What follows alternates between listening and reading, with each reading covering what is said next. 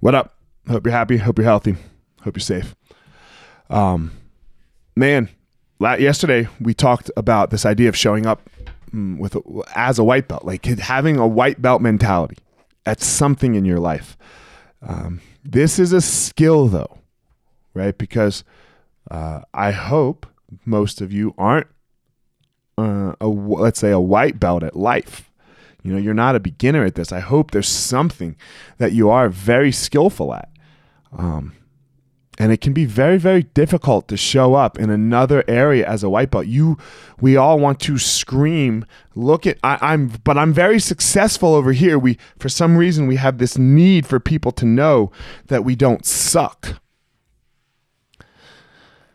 We have to take a pause there when we enter these arenas you know, when when when we when we get a mentor, when we when we um, when we start to go down a new path where we are going to gain some skills, sh- like you have to show up li- with with a beginner's mindset, and that mindset is open.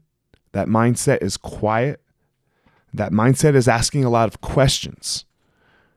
We don't want to make very we like I try to not make declarative statements when it's time to be a white belt again. Questions. Always asking questions, questioning, questioning, questioning. Can you explain more? And that's the question, not giving your opinion.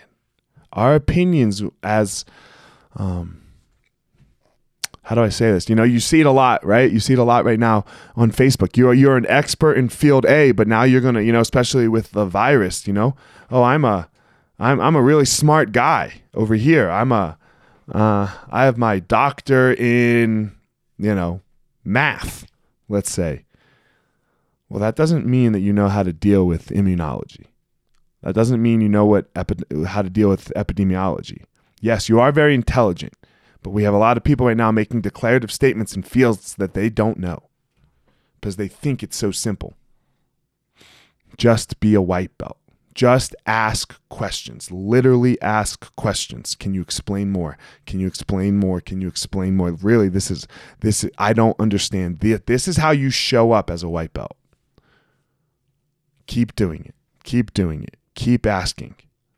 This is how it's done. This is how I prefer to do it.